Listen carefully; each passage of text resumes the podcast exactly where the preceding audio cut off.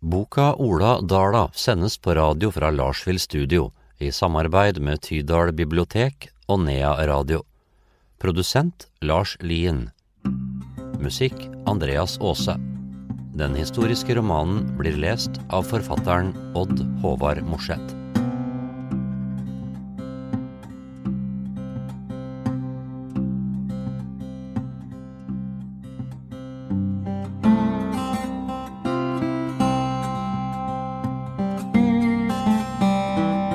Kapittel 18 Det er mars 1824. Kvernsteinene Uværet slo ned som en vegg mot dem inne i Nedalen. Det var fortsatt klarvær vestover mot Stugedalen og Skarsfjella.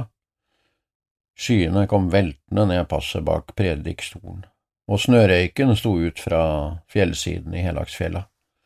Vinden kom virvlende med skarpe kast rundt hestene. Ola kjørte først innover det flate landskapet under de bratte fjellsidene. Johan Krokstad kjørte tett bak. De satt med ryggen mot hver sin tønne sild.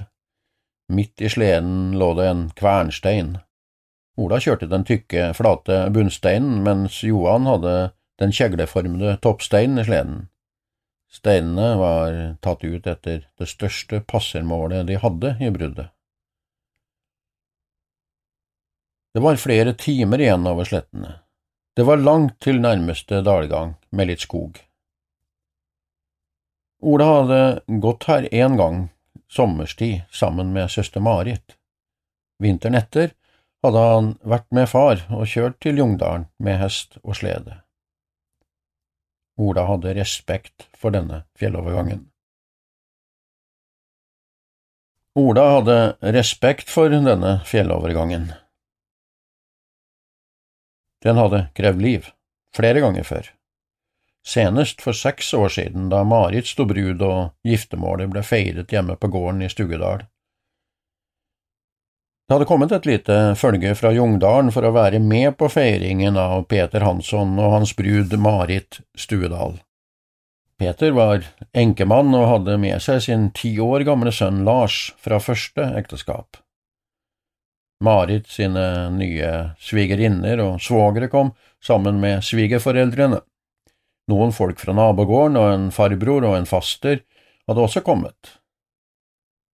Alle hadde tatt følge på hjemturen til Jungdalen sammen med brudeparet. Marit var da litt over 20 år og skulle bosette seg med ektemann og stesønn på Østgården i Jungdalen. Følget kom ut for en tidlig høststorm under Helagsfjella. Store snøfiller hadde lagt seg bløtt på hud og klær. De ble gjennombløte, og snøen hadde etter hvert dekket over de skarpe høstfargene. Farbroren frøs i hæl i nysnøen første natta inne på høgfjellsslettene under Helagsfjella. Nå var Ola kommet i sterk tvil om hva de skulle gjøre. De hadde kjørt i flere timer fra nattelosjiet. De gamle steinhusene under prekestolen hadde vært første mål inne i Sverige. Husene lå der kroiksamene hadde sommertilhold under Njåmjelejappe. Det hadde antagelig fungert som både stall og nattelosji for farende folk i mange hundre år. Det var jordtak på stallen, ellers var husene i dårlig forfatning. Men veggene hadde fortsatt gitt ly. Nå var det antagelig like farlig å snu for å nå tilbake dit som å fortsette videre. Det gikk historier om folk som hadde havnet i ring ute på de lave åsryggene foran dem. I dårlig sikt, sommer som vinter, var det vanskelig å lese himmelretningen i det åpne landskapet. De var langt inne på svensk side av grensen, men først nå nærmet de seg vannskillet. Det måtte bli en eneste redning å komme seg over den siste slake motbakken og ned på Helagssjøarna. Sikten forsvant, med nye vindkast. Det var som en dør ble lukket bak sledene. Det var ikke lenger noen vei tilbake, ingen skjul å finne. Det var bare å fortsette. Ola var bestemt på å holde seg opp mot foten av Helagsfjella og holde høyden videre mot øst. De måtte unngå å havne ute på viddene mot Flatrue. De kjørte ned en slak bakke og ut på en hvit, skavlete flate. Hestene måtte ha hvile, vann og høy. Johan og Ola måtte også ha mat. Det var bare å forberede seg som best en kunne. Far hadde alltid vært nøye på rast når de kjørte, uansett vær. Han hadde ofte gjentatt at sult og søvn var den største fienden i storm og uføre.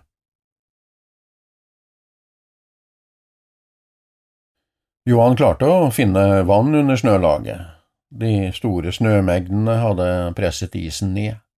Det var overvann på Helakssjøen.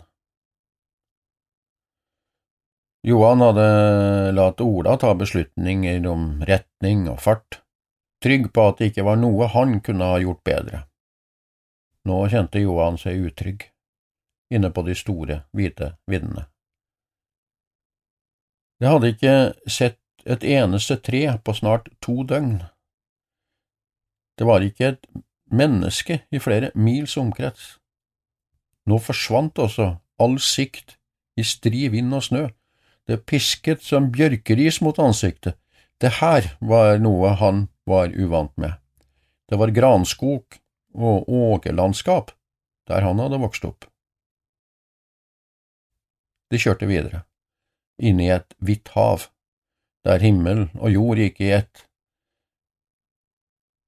Det var bare bevegelsene til hestene som viste at de flyttet på seg gjennom landskapet.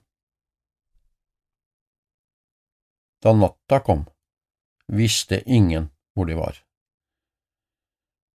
Men de hadde til slutt nådd fram til noen sammenvokste grantrær i en klynge. De kjørte ned i den trange dalen ved trærne.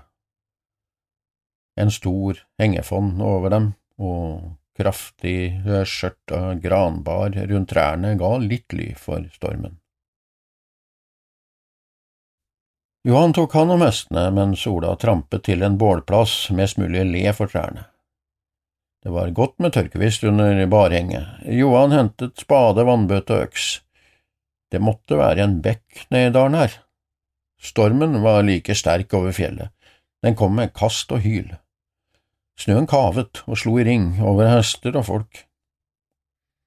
Etter å helt noen tørrgran og noen krokete bjørker krøp de le av sledene. Uten mer prat fikk de i seg litt mat og sovnet i natta. Det kom ikke langt neste dag før alt var umulig. Det var ikke noen mulighet for å komme seg opp av dalen, eneste mulighet var å følge på utover. De kunne ikke se hvor det bar hen utover lia. Det fikk de snart erfare. Blakken, som gikk først i følge, stupte gjennom snøen. Sleden havnet på siden, nede i det trange bekkefaret. Sildetønna veltet og kvernsteinen knuste sidekarmen. De hadde satt truger på hestene før de kjørte utover i den dype fokksnøen. Nå satt blakken bom fast med venstre forbein og bakbein. Hesten lå over draget. Det var umulig å komme til under hesten. Ola klarte å løsne fra draget på oversiden, mens Johan alt hadde funnet fram kniven. Om hesten ikke lå i ro, var det fare for at den ville skade seg. Da måtte han skjære over seletøyet. De visste ikke om blakken var skadet, om det var steiner under hesten, kanskje lå beina i ben. Snøfokk slo rundt dem, og toppene på de buskete granene sto og viftet i vinden. Vi må ha hjelp, skal vi klare det her, sa Johan. Stemmen hans var rolig. Han hadde hentet spaden i sleden. Ola kjente at redselen satte seg fast i magen. Han fikk vondt og ante ikke hvordan noen skulle klare å få opp hesten. Han kavet i snøen, vart fort bløt av svette og kastet av seg kjøremudden. Hjelp? spurte han og så oppgitt ut. Ja, men først må vi få unna snøen så vi klarer å løsne det andre draget. Johan virket like stødig og begynte å spa seg fram under hesten. Det gikk opp for Ola at de måtte løsne hesten fra sleden, at de måtte ta én ting om gangen. Han hadde hørt noen si det før. Stemmen til Lars kom fram fra mørke kroker. Han hentet også spaden.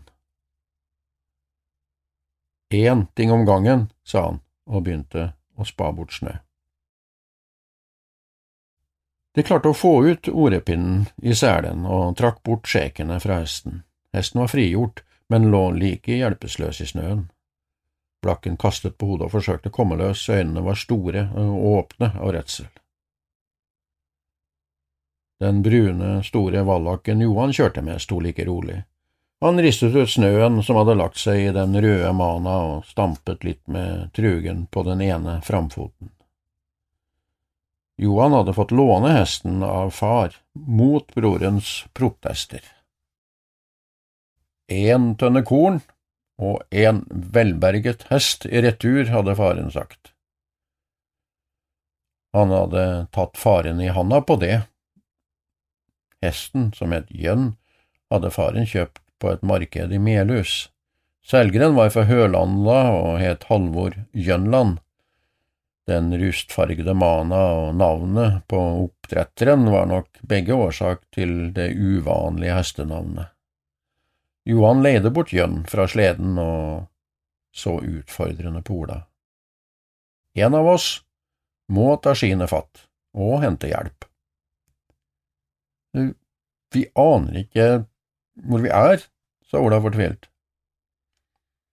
Det må vi uansett finne ut av, sa Johan like stødig. De hadde med ski i sleden, men å få tak i folk som kunne hjelpe, var ikke enkelt. Den nærmeste bosetningen var gårdene i Jungdalen. Vi må ha reimer til å løfte hesten med, og nok folk til å klare det, sa Johan. Det var klart, de måtte få hesten opp og stå på alle fire beina, men skulle den bare bli liggende i snøen og vente? Ola var fortvilt, hesten kunne ikke ligge der i over et døgn.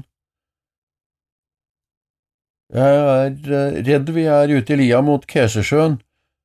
Er det slik? Vil ikke være hjelp her før langt utpå neste dag. Det er du som er kjent her og kan finne fram i styggværet. Johan satte seg bestemt ned på sledekarmen. Ola forsto at det var slik, det var han som måtte gå, men han ville ikke gå fra Blakken. Samtidig var det umulig å få opp hesten ved egen hjelp. Han satte seg fortvilt på huk, framme med blakken, strøk den rolig over flanken og tok bort noen bløte pannehår. Nei, sa han plutselig og reiste seg. Johan så forundret bort på den magre, svette Ola som sto i snøkavet med et mørkt blikk og så seg rundt. Ta igjen, og tramp til så godt du kan nedover her. Ola pekte ut vei forbi blakken og prøvde å forklare.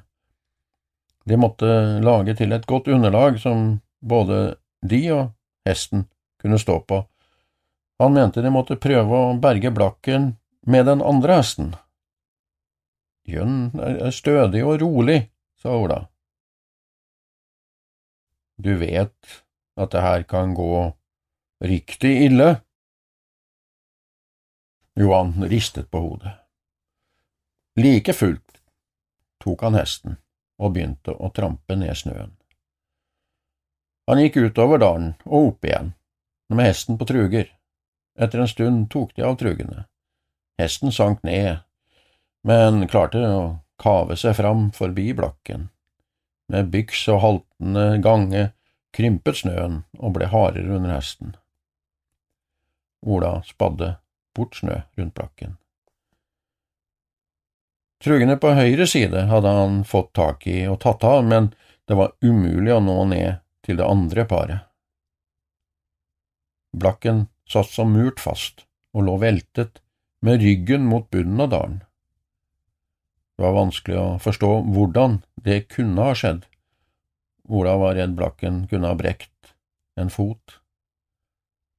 Han ville ha svar. Var det slik, var det ingen redning, forresten. Da måtte han hente øksa og slå den i hjel med økshammeren. Plutselig datt Jønn ned, med hele forparten. Hesten kastet på hodet og vrinsket. Den kavet og prøvde å slå med frambeina. Jønn laget en grøft i snøen som han sank ned i. Begge hestene sto fast i snøen. Jønn sto oppreist, men bare halsen og var over snøkanten.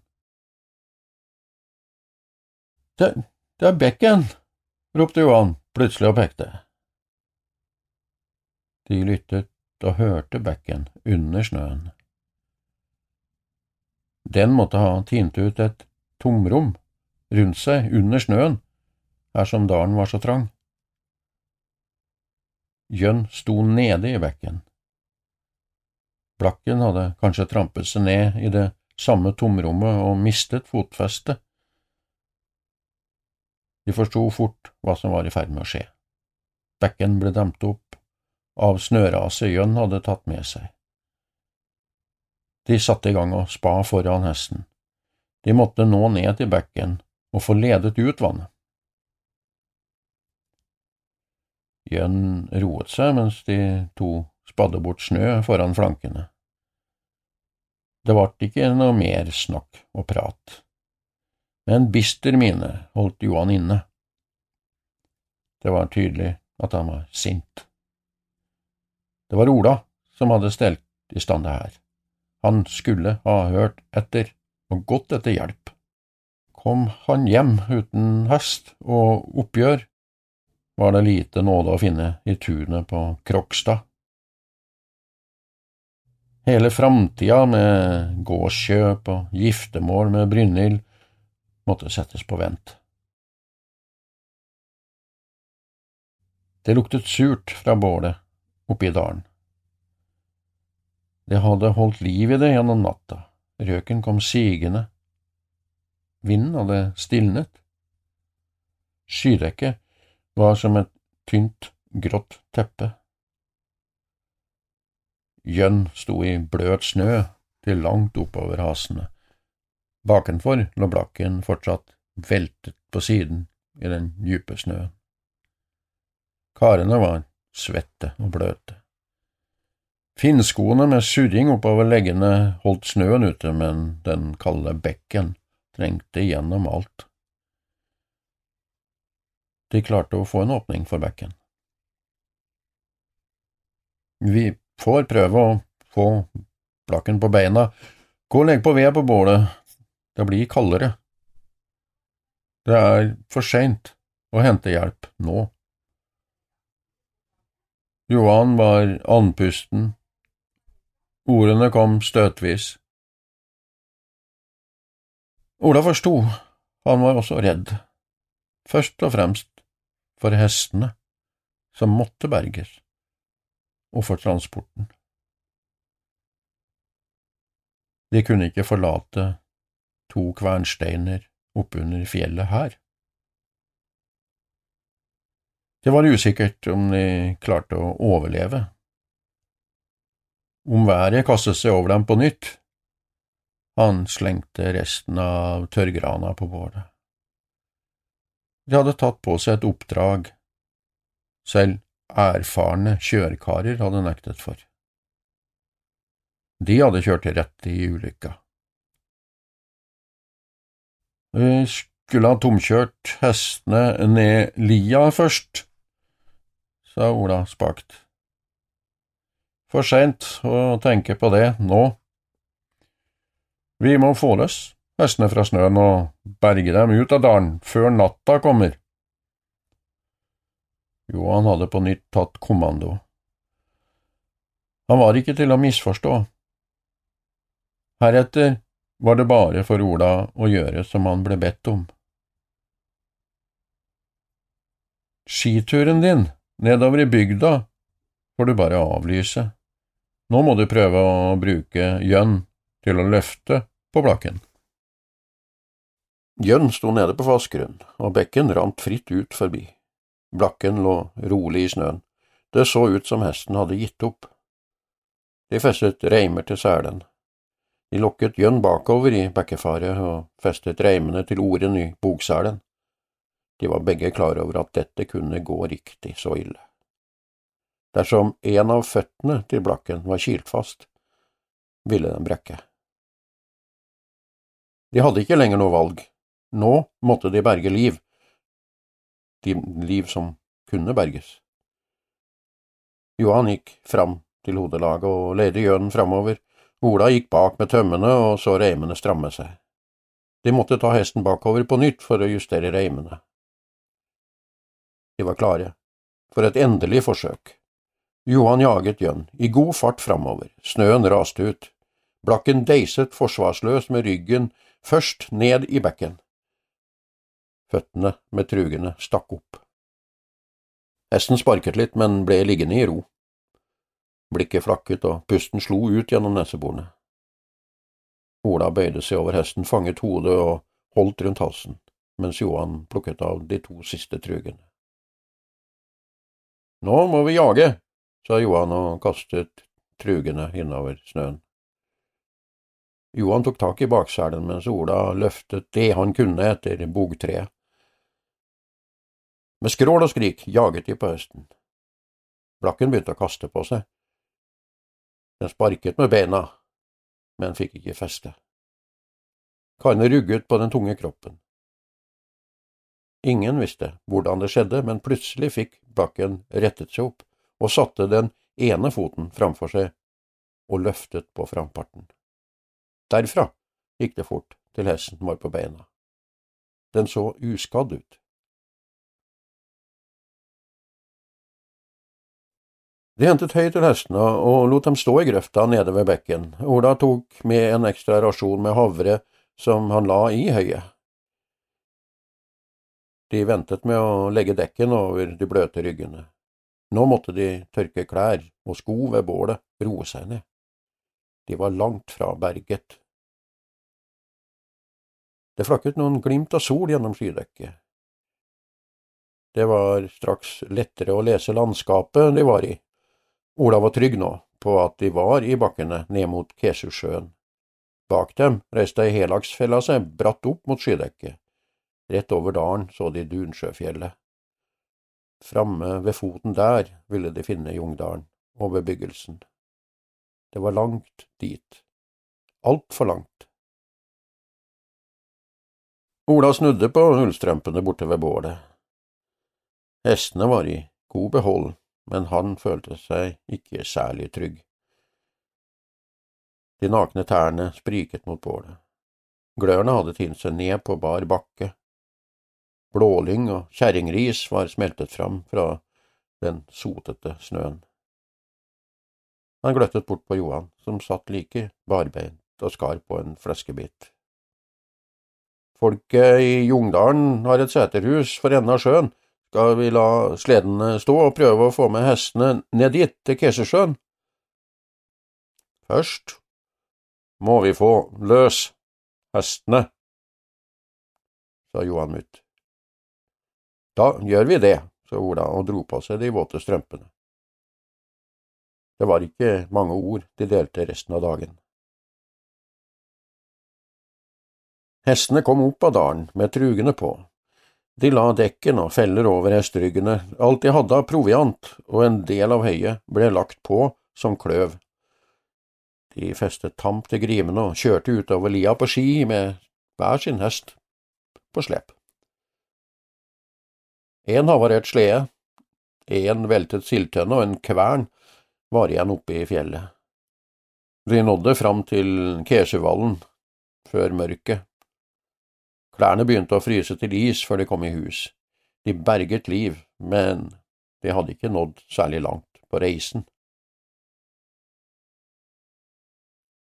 Sledene klarte de å få løs dagen etter.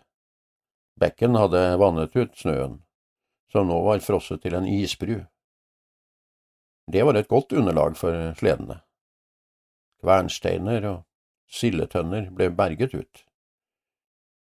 De kjørte ned lia og tok en natt til på Kesjuvallen. Det vart fyrt i grua hele den her natta også. Ola kjente at frost og fukt begynte å slippe taket i klær og kropp. De hadde berget hester og last. Reisen kunne fortsette. Neste dag kom de kjørende inn i tunet hos Peter og Marit i Jungdalen. De var tydelig lettet over å høre hundeglam og nå fram til folk. De stallet opp og måtte forklare hva slags tur de hadde begitt seg ut på. Peter kalte det galskap. Gammelfar i huset, han, Hans, satt på fellen i slagbenken og humret. Han mente at det til alle tider ville følge galskap med unge mannfolk. Han fant fram den tomme snadda skal tru om det kan være såpass til karer at de har med tobakk. Marit var både glad og sint. Hun satte hoftefest og så strengt på Ola. Det har aldri hendt at noen har kommet med slike lass over fjellet fra Stugedalen før. Du må forstå at overmot alltid har sin undergang. Ola la armene på skuldrene hennes og så godmodig på søsteren sin, glad over å se henne igjen. Det kjentes som om han hadde levd et helt liv siden hun hadde lagt hendene på skuldrene hans og sagt at det her klarer du, Ola. Ola rettet seg opp i ryggen og så bort på guttungen som han var morbror til. Marit hadde hatt en liten gutt hjemme da hun kom over fjellet. Den våren far døde, nå var han blitt fem år. Her var første gangen de treftes. Ola var forberedt. Se her, Peder, sa han, og trakk fram en snor med candysukker fra innerlomma og ga gutten. Et knep som fungerte godt på Likkjalvor og lyktes like godt nå. Vi har med sild, sa han, med et skjevt smil. Og litt tobakk. De hadde satt av to tønner sild ute i tunet. Det ble døgnhvile hos Peter og Marit i gammelgården. Mye hadde skjedd siden han så søsteren sist. Det gjorde godt å få møte henne nå. De ville få god tid til en prat, Marit var alltid så enkel og rett fram å snakke med.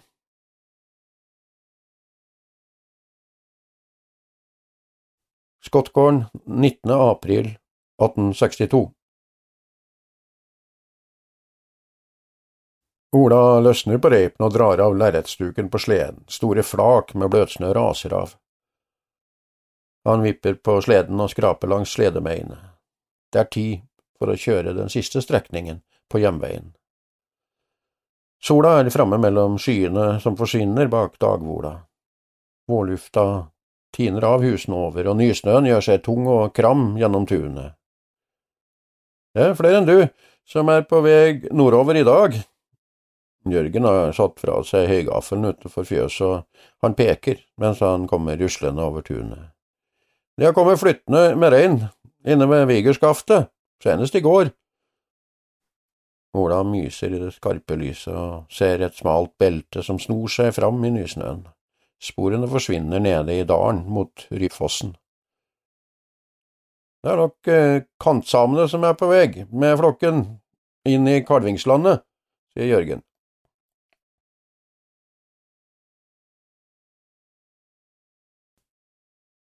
De senere åra har de begynt å ha fast sommertilhold ved Riasten. Reinen beiter videre innover Grønvola og Kjølifjella i kalvingstida. Om vinteren er det som vanlig tilhold i Femundtraktene. De holder mye skytingsrein for dere her i bygda, sier Ola. Ja, både Ola Andersa og prins Nils har avtale med det flere gårder, både her og på Røros. Det er blitt mer rein i fjellet de senere åra. Reinen samene holder for bøndene gir ekstra inntekter og penger de kan bruke i handel. Ola har aldri likt at fastboende har rein i fjellet, han synes det er en merkelig uskikk. Men nå, har prinsa tatt over drifta etter faren, prins Nils døde i vinter, sier Jørgen. Det er nytt for Ola. Ola er ofte inne på Riastvollen for å kjøre smør og ost fra de to dalsvollene og framover til Mosjøen. Derfra går varene med felles frakt til Selbu. Han har møtt Nils mange somre, det er lenge siden han tok sommertilhold med familien i Gamme inne ved Riasten. Det er nok Storlisbeth og Olanders Kant som har flest rein i merkene sine nå. Lisbeth tok over merket for mange år siden etter faren Rik-Nils når han døde. Det er ikke større forhold rundt sjøen inne ved de nakne viddene enn at han er blitt godt kjent med alle. Anders Holm og Sigrid Kann kommer også flyttende hver vår nå. Når reinen samles ved kalvemerkinga i juli, er det tydelig å se at flokkene er blitt større de senere åra. Du treffer kanskje på dem. Det kom en flokk innover på sjøisen ved Tamneslandet for noen dager sia. Ola hadde sett tråkket da han kjørte over vika. Vi får se. Vi krysser nå uansett spor inne ved Rien, sier Ola. Han er usikker på føret. Hesten må ha truger, snøen er tung. Det beste er om det blir enda litt mildere i været. Slik det er nå, er nysnøen tørr under det våte laget. Det kommer til å ise på meien og kladde på truger og slede. Men nå vil han ikke vente lenger med hjemturen. Han går inn for å pakke i skrinet og hente med seg klær. Anne koker grøt på komfyren. Ingrid har fulgt med Margrethe ut på fjøsstell. Uh, du får vente på grøten. Mer travelt har du det ikke med å komme deg i vei, sier Ane og løfter på sleva. Det er tidlig dag. Det hjelper lite å ha det travelt. Det kan like gjerne være bra å vente litt. Ola legger utstyret sitt i gangen og setter seg ved bordet. Ane legger lokk på jerngryta, skyver den inn på komfyren, henter jernkroken og drar ringene på plass over flammene. Byggmjølet trenger å svelle litt før grøten kan serveres. Det er ikke skikk med kaffe for noens her i gården, men jeg har nå laget en liten kok. Hun setter fram to blekkrus og setter seg ved bordenden. Kaffe skjenker hun fra en liten kobberkjele. Det er tydelig at hun er ute etter mer prat. Ola tenker sitt og er mer klar for timer i sleden. Du var snar i vendingen i ungdommen, Ola. Du var noe til kar da du fikk tak på Fossan-jenta. Du kunne knapt blitt godt mottatt der i gården når du kom på frieri. Han Lars Bæsjvensen var ikke noe særlig enkel mann. Ola lysner litt opp av det minnet. De smale leppene trekkes ut til et skeivt smil. Han har unngått prat om frieri mens Berit levde. Det var liksom bare deres historie. Det kom en liten tynn latter før han snakket.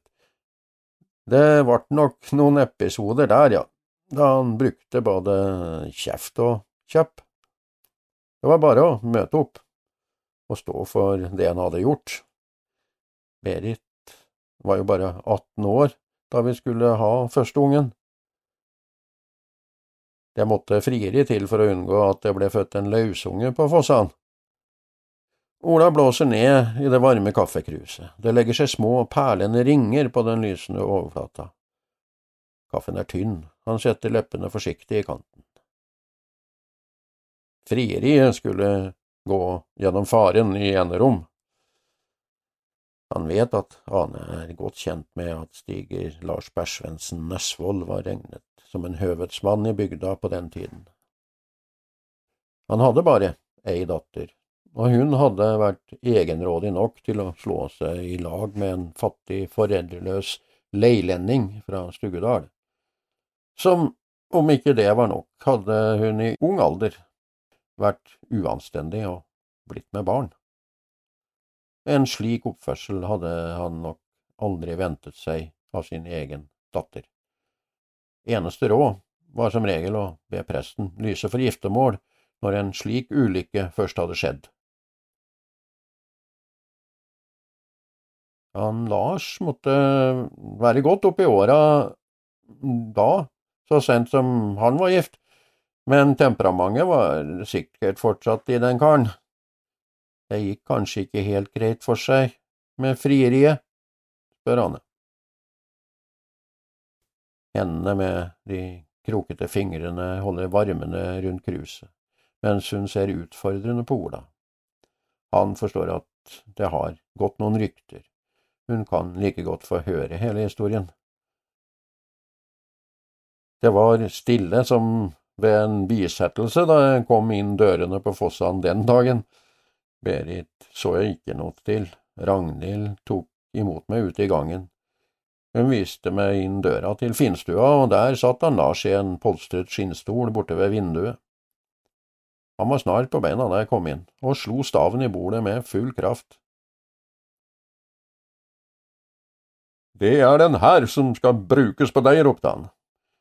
Det kom en ramse med kraftsalver fra det gamle gruvespråket hans det meste har jeg nok glemt, det var lite ved det å ta med seg videre i livet. Dessuten hadde det lite virkning, det var jo Berit jeg ville ha.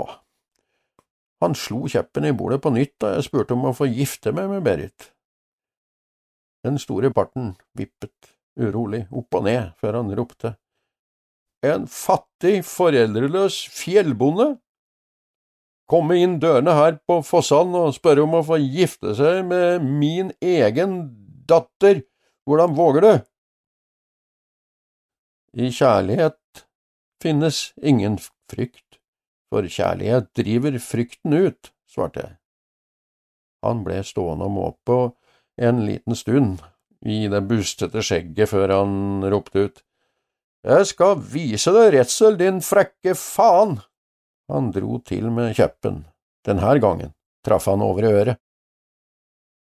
Du har skjemt oss ut for hele bygda med å drive hor, og nå ber du om giftermål, sa han og satte seg ned i stolen igjen. Han viftet meg bort med kjeppen og pekte med den mot døra. Det fins ingen annen råd, din faens lømmel. Jeg husker godt at jeg kjente meg glad da jeg gikk bak uthuset for å hente hesten.